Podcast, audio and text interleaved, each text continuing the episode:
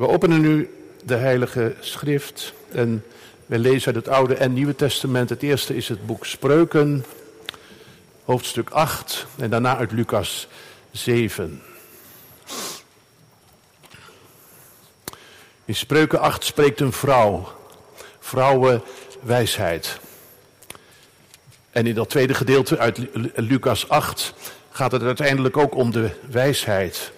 De wijsheid met een hoofdletter. Spreuken 8, vers 1 en daarna bij vers 34.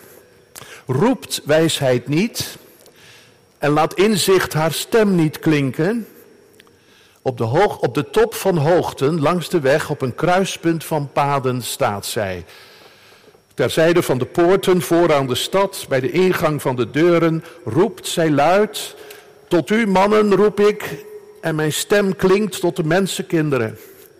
Onverstandigen, begrijp toch eens met schranderheid. En dwazen, begrijp toch eens met verstand.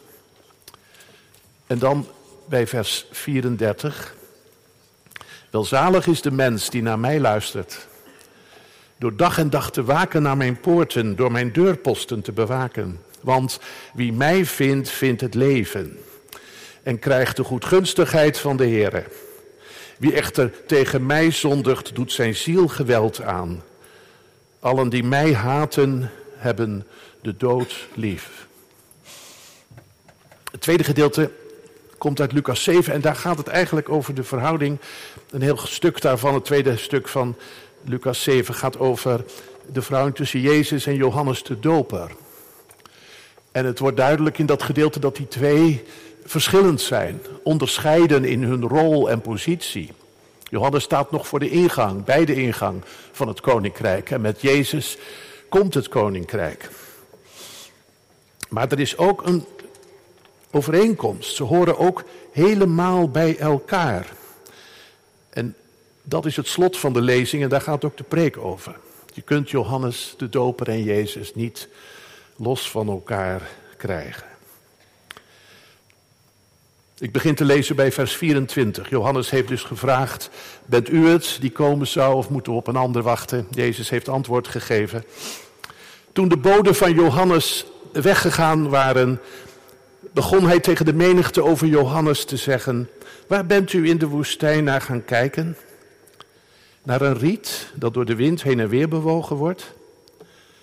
Maar waar bent u dan naar gaan kijken? Naar iemand in kostbare kleren gekleed? Zie, zij die prachtige kleding dragen en in weelde leven, zijn in de paleizen. Maar waar bent u dan naar gaan kijken? Naar een profeet? Ja, ik zeg u, zelfs naar veel meer dan een profeet. Deze is het over wie geschreven staat. Zie, ik zend mijn engel voor uw aangezicht, die voor u uit uw weg gereed zal maken. Want ik zeg u, onder hen die uit vrouwen geboren zijn, is niemand een groter profeet dan Johannes de Doper.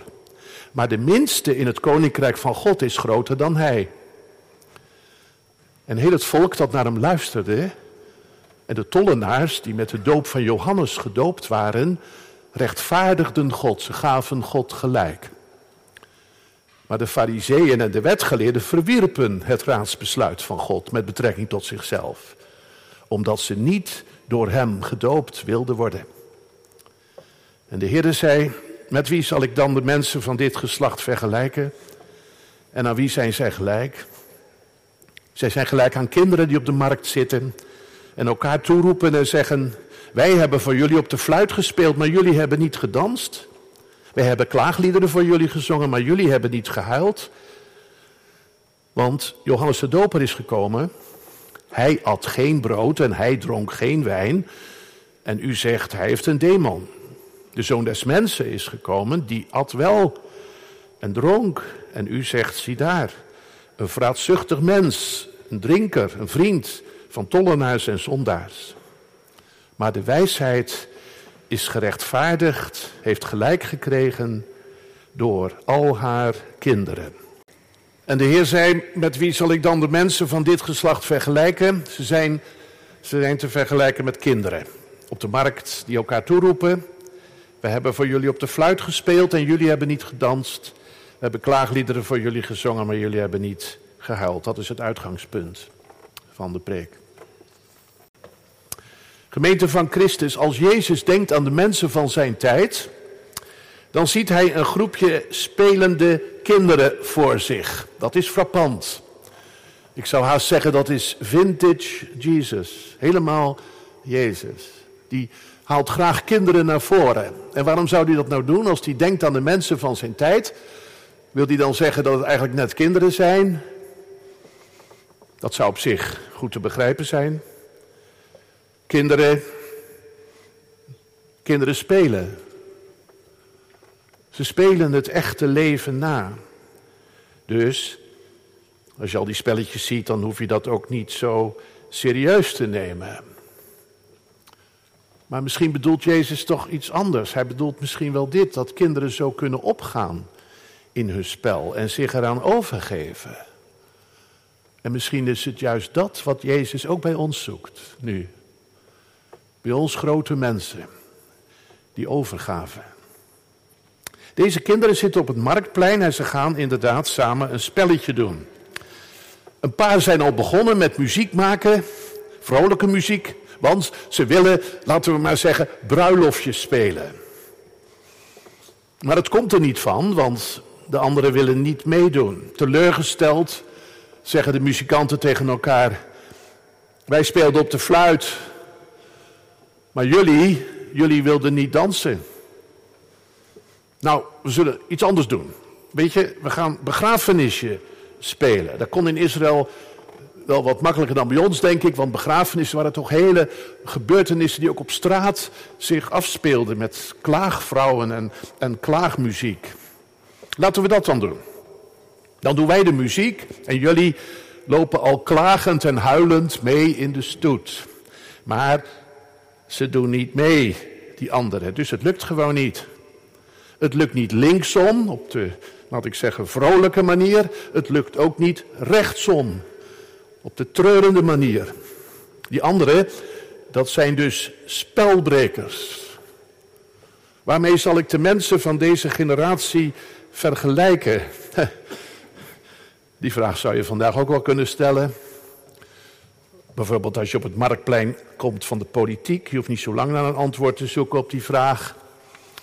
Want je ziet daar op dat marktplein hoe de spelletjes uh, mislukten, tot dusverre tenminste. Hè? Linksom lag die ene partij dwars en rechtsom haakten die andere twee af. Wie zijn eigenlijk de spelbrekers? Dat is ook een spelletje, hè? om aan te kunnen wijzen wie nou de spelbreker is. Jij niet natuurlijk. Maar vooral, bij wie is de wijsheid vandaag om eruit te komen?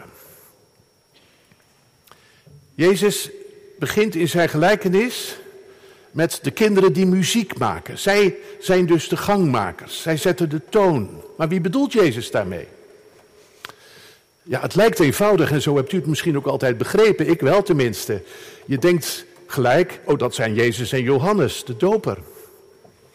Johannes met zijn klaagzang, het oordeel komt, de bij ligt aan de wortel van de bomen, wie geen vrucht voortbrengt zal worden afgehouden.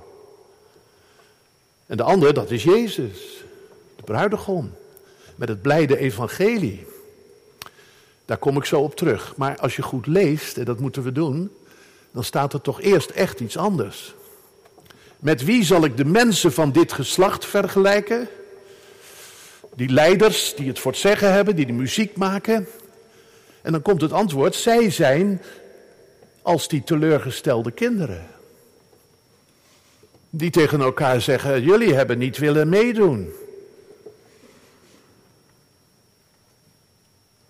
In het echte leven, toen en nu, zijn het de leiders, de spraakmakers enzovoort, die de toon aangeven.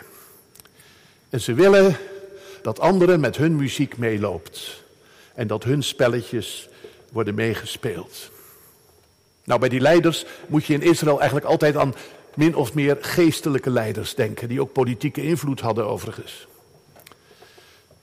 En in Jezus' tijd maakten die leiders muziek, maar nogal verschillend. De ene groep, laten we zeggen de priesters, de Sadduceeën, die keken met enig welbehagen en optimistisch naar de situatie. We zitten natuurlijk onder de Romeinen, maar als we nou samenwerken, en dat doen we, dan wordt het er misschien nog wel beter van. Dus samen de schouders eronder en op zijn tijd een goed feest. Je had ook een hele andere muziek. En die hoorde je dan bij de boetepredikers. Een aantal van hen zaten helemaal in, in grotten, diep in de woestijn. Maar je had er ook, en die kwam Jezus veel tegen, de fariseeën. Die fariseeën zeiden, wij leven in een boze wereld en wij moeten terug naar de oude paden. En in de regels van de wet, als je die maar heel strikt houdt, daarin ligt onze identiteit. Ik weet niet of u vandaag ook heel verschillende muziek hoort. Ik wel. En ook wel binnen de kerk. En ik vind dat wel moeilijk. Soms. Mensen die zeggen, laten we nou vooral meedoen. Laten we het hè, steunen. Laten we het toch positief bekijken. En anderen, die zitten ook hier. En die denken helemaal niet. Wij moeten ons verzetten. Nou ja, met welke muziek ga je mee? In Israël kregen de, de leiders te maken met twee opzienbarende figuren. Die invloed hadden. Johannes de Doper en Jezus van Nazareth. En je kunt je voorstellen dat ze naar hen keken en dachten: kunnen we die nou meekrijgen in ons spel? Johannes, jij wilt toch wel met ons meedoen, begrafenisje spelen, treuren over de toestand in de wereld? Jezus, u bent een heel ander type. Veel vrijer, blijer. Kunt u niet aan onze kant komen? en ons feestje meevieren? Nou, het gebeurt niet. En dus zijn ze teleurgesteld. Het is dus duidelijk, dat is de eerste uitleg, ik kan het niet anders lezen, dat Jezus en Johannes dus de spelbrekers zijn. Zij kunnen niet meedoen met de spelletjes van de mensen. Zij komen met een nieuw en hemels geluid. Dat is het koninkrijk van God.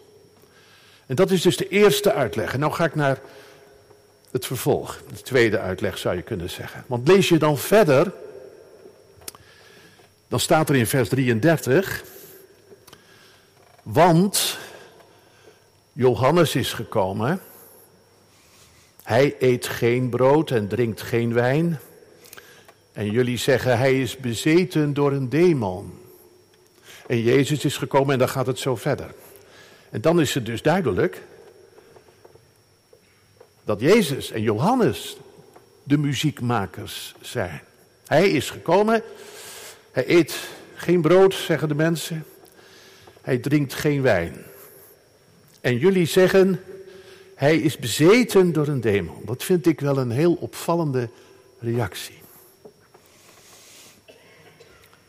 Deze reactie gaat namelijk niet over de boodschap over wat Johannes zei. Nee, daar reageerden ze niet op. Ze kunnen niet zeggen dat hij ongelijk heeft, dat hij de waarheid niet zegt.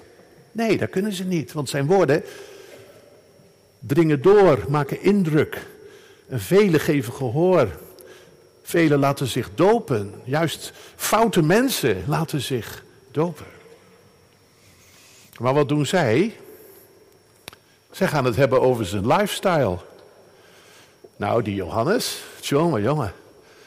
Die gaat wel erg ver met zijn alternatieve eetpatroon. Dat woestijnmenu. Dat is toch raar? Dat is extreem, hoeft toch niet? En dan gaan ze nadenken en dan zeggen ze tegen elkaar: ja, dat is toch, dat is toch merkwaardig. Dat je, dat je zoveel invloed hebt en tegelijk zo'n zonderling bent. Wat zou daarachter zitten? Zou die misschien onder demonische invloed staan? Dat zou kunnen. Dat moet eigenlijk wel. Wat hebben ze dus gedaan? Ze hebben gekeken naar zijn voorkomen. En de Heer Jezus zei dat al. Hij zegt in, mijn, in de schriftlezing: Naar wie zijn jullie gaan kijken in de woestijn? En wie hebben jullie dan gezien? Een mens, een riet, een profeet, Ze hebben gekeken, maar ze hebben niet geluisterd. En daardoor hebben ze het niet gehoord. Wat hebben ze niet gehoord? De muziek hebben ze niet gehoord. De muziek die klonk in die o zo strenge woorden van Johannes de Doper. Ze hebben de muziek niet gehoord daarin. Die klonk om je mee te nemen. Ze hebben de urgentie niet beseft. Dat het koninkrijk begint aan te breken en zorg dat je erbij bent. Ze deden het niet, want het was zo'n gekke man. Dat kan zomaar ook bij jou en mij gebeuren hoor. Dat je hoort dat iemand iets waarachtigs zegt. Dat hoor je.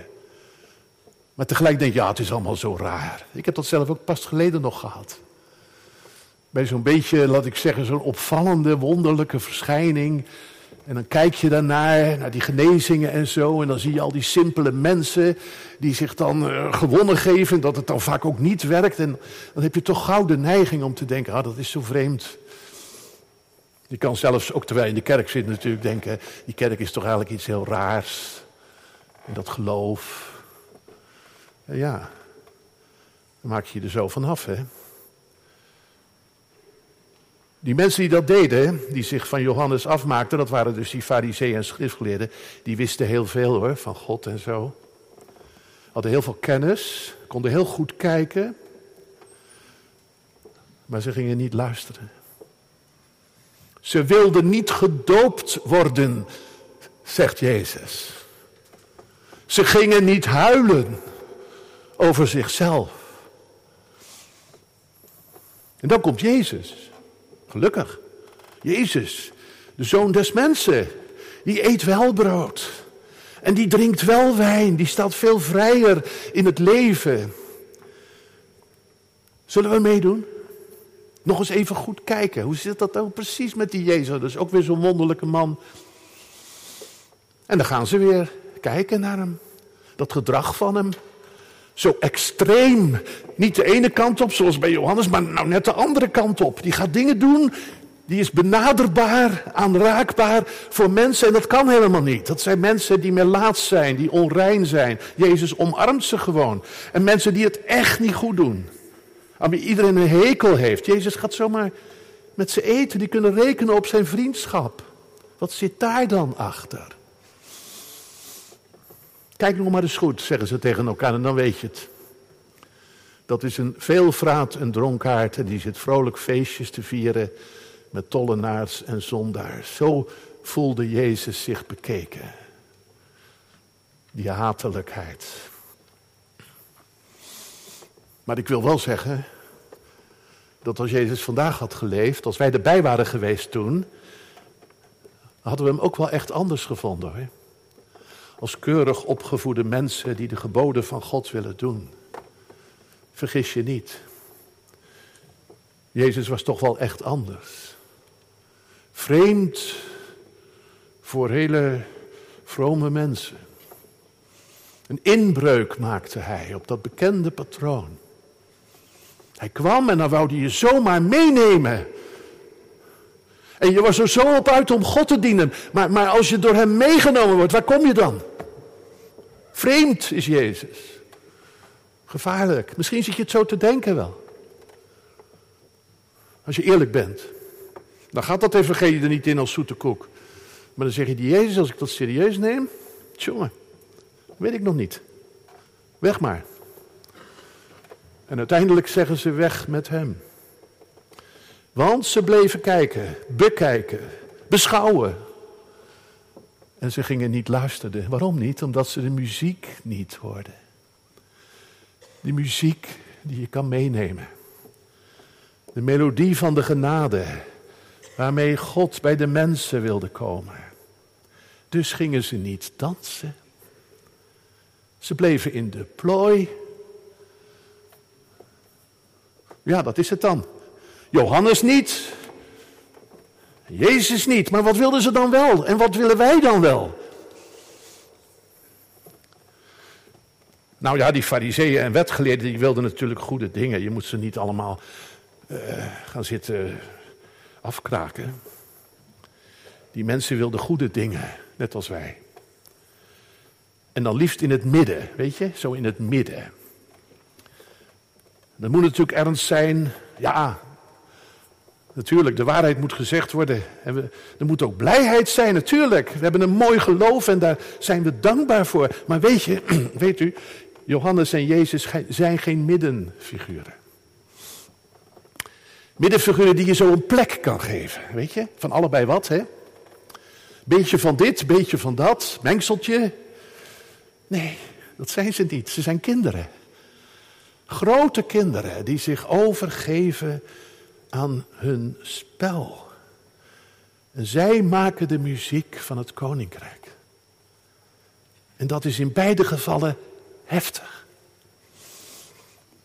Want het is een koninkrijk dat er aankomt en dat er ook al is. Bij Johannes zie je meer dat het er aankomt. Dat is vandaag toch ook nog zo.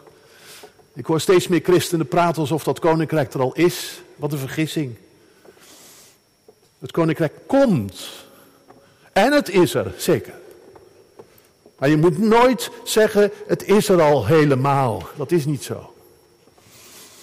En bij die beide aspecten van ons geloof horen die verschillende melodieën, die muziek. Verschillende klanken. Klaagzang en bruiloftslied, maar wel met een hoge mate van urgentie. En die muziek zegt: doe mee. Eén ding is nodig. Eén ding, doe boete. Beleid je zonde. Of wil je soms dat de boom van je leven wordt omgehakt en in het vuur gegooid? Treur over jezelf. Doe dat. Zing mee. Het komt niet altijd uit jezelf, zeker niet. Maar zing wel mee. Treur over jezelf en spaar jezelf niet. Zing je in. De muziek klinkt. Eén ding is nodig. Ga achter Jezus aan, dansend en springend. Waarom? Omdat Hij gekomen is. Daarom. Omdat Hij alles is. Daarom. Laat vreugde in je lichaam en je ziel vervul ik. Weet van iemand die jarenlang in de kerk zat, al lang geleden overleden, en die zei dat tegen mij. Zomaar. Ik kan wel dansen met Jezus en hij danste natuurlijk nooit, dat, dat mocht niet. Maar hij danste wel met Jezus. Beweeg mee in het ritme van zijn onvoorwaardelijke liefde. Vier het avondmaal aan tafel met hem als een ronde dans. Omdat jij daar bent, samen met al die anderen. Die net als jij een geschiedenis hebben van verkeerde afslagen en gebroken idealen. En je treft elkaar bij hem. Bij zijn lichaam. Bij zijn bloed. Maar laten we niet in het veilige midden blijven hangen. Je moet van het geloof niet het extreme afhalen, vind ik. Want dat is toch wel iets. Je begraaft als christen je oude bestaan. Dat is je doop. En dat is al gebeurd, die begrafenis, maar je moet het steeds opnieuw dat lied wel zingen hoor. En je viert het eeuwige leven, omdat je genodigd bent aan de tafel van de Heer. Weet u, als het koninkrijk doorbreekt, dan is de bedoeling omdat het doorbreekt, dat wij buiten onze oevers ergens treden. Dat zijn toch christenen?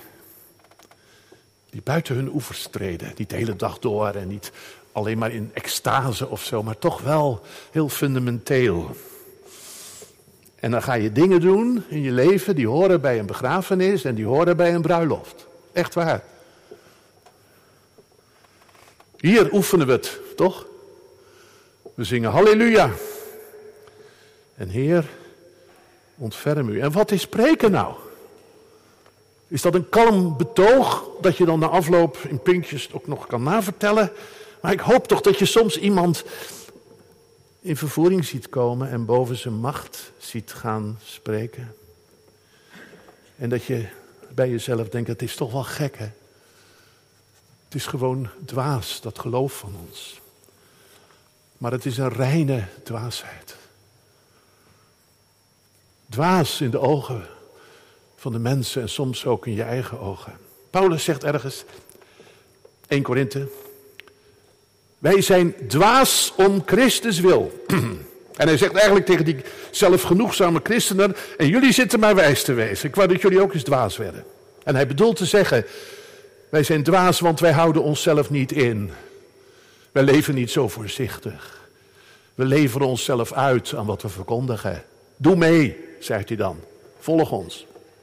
Nou keer ik even terug tot slot aan die dubbele uitleg. Dus hoe zit het nou? Johannes en Jezus, zei ik aan het begin, dat zijn dus de spelbrekers. En dat klopt. Zij doorbreken het schema van deze wereld.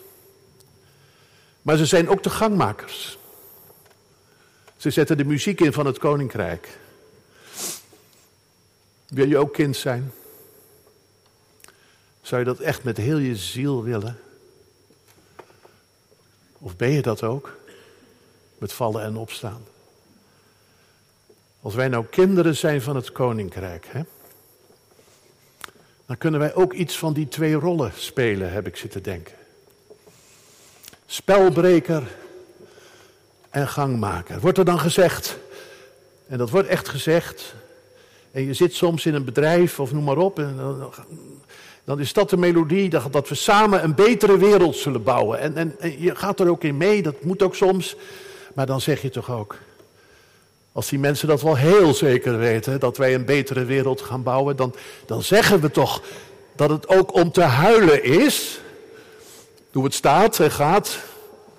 En dat onze zonde de grote blokkade is. En als dan iedereen weer jammert dat de mensheid binnen de kortste keren zal ondergaan, dan zeggen wij, maar er is een God die naar ons heeft omgezien. Die dubbele rol die dubbele muziek. Jezus noemt dat wijsheid aan het eind. Hij zegt in vers 35, de wijsheid is toch gerechtvaardigd. Die heeft toch gelijk gekregen. Door al haar kinderen. Al die kinderen van het koninkrijk. Heel verschillend en zeker qua afkomst en zo. Ze beleven hun geloof op hele andere manieren soms. Maar toch, die wijsheid van God, die laat hij schijnen in mensen die kinderen worden lerende en spelende kinderen. En die weten van de begrafenis van hun oude leven en van de bruiloft waarvoor ze nu al oefenen. Via hun levens. Ja, dat, ik moet gewoon zeggen toch. Via onze levens. We gaan straks de kerk uit. We gaan straks het marktplein weer op. De mensen hebben al iets gehoord van een orgel of zo. En daar denken ze helemaal niks meer bij. Maar het zou toch kunnen? Dat via gewoon wie wij dan zijn, via dat kinderlijke in ons, vrouwenwijsheid het is die roept. En die tegen de mensen zegt, onverstandige mensen, word toch eindelijk eens verstandig. En ga luisteren. Wie mij vindt, die vindt het leven. En wie mij haat, wie mij voorbij gaat, die heeft de dood lief. Laten wij dan vandaag eh, ook bidden, maar om wijsheid. Dat bent u vast met me eens. Wijsheid voor jezelf, voor je tong, voor de formatie, voor het afsterven aan twitteren en al dat soort vreselijke dingen. Niet dat twitteren natuurlijk, maar wat er gebeurt. Wijsheid bij het onderwijs Weet je, wijze mensen, die zijn nederig en ze treuren. En daarom zijn ze zo gul en uitbundig door de hoop die hen draagt. Amen.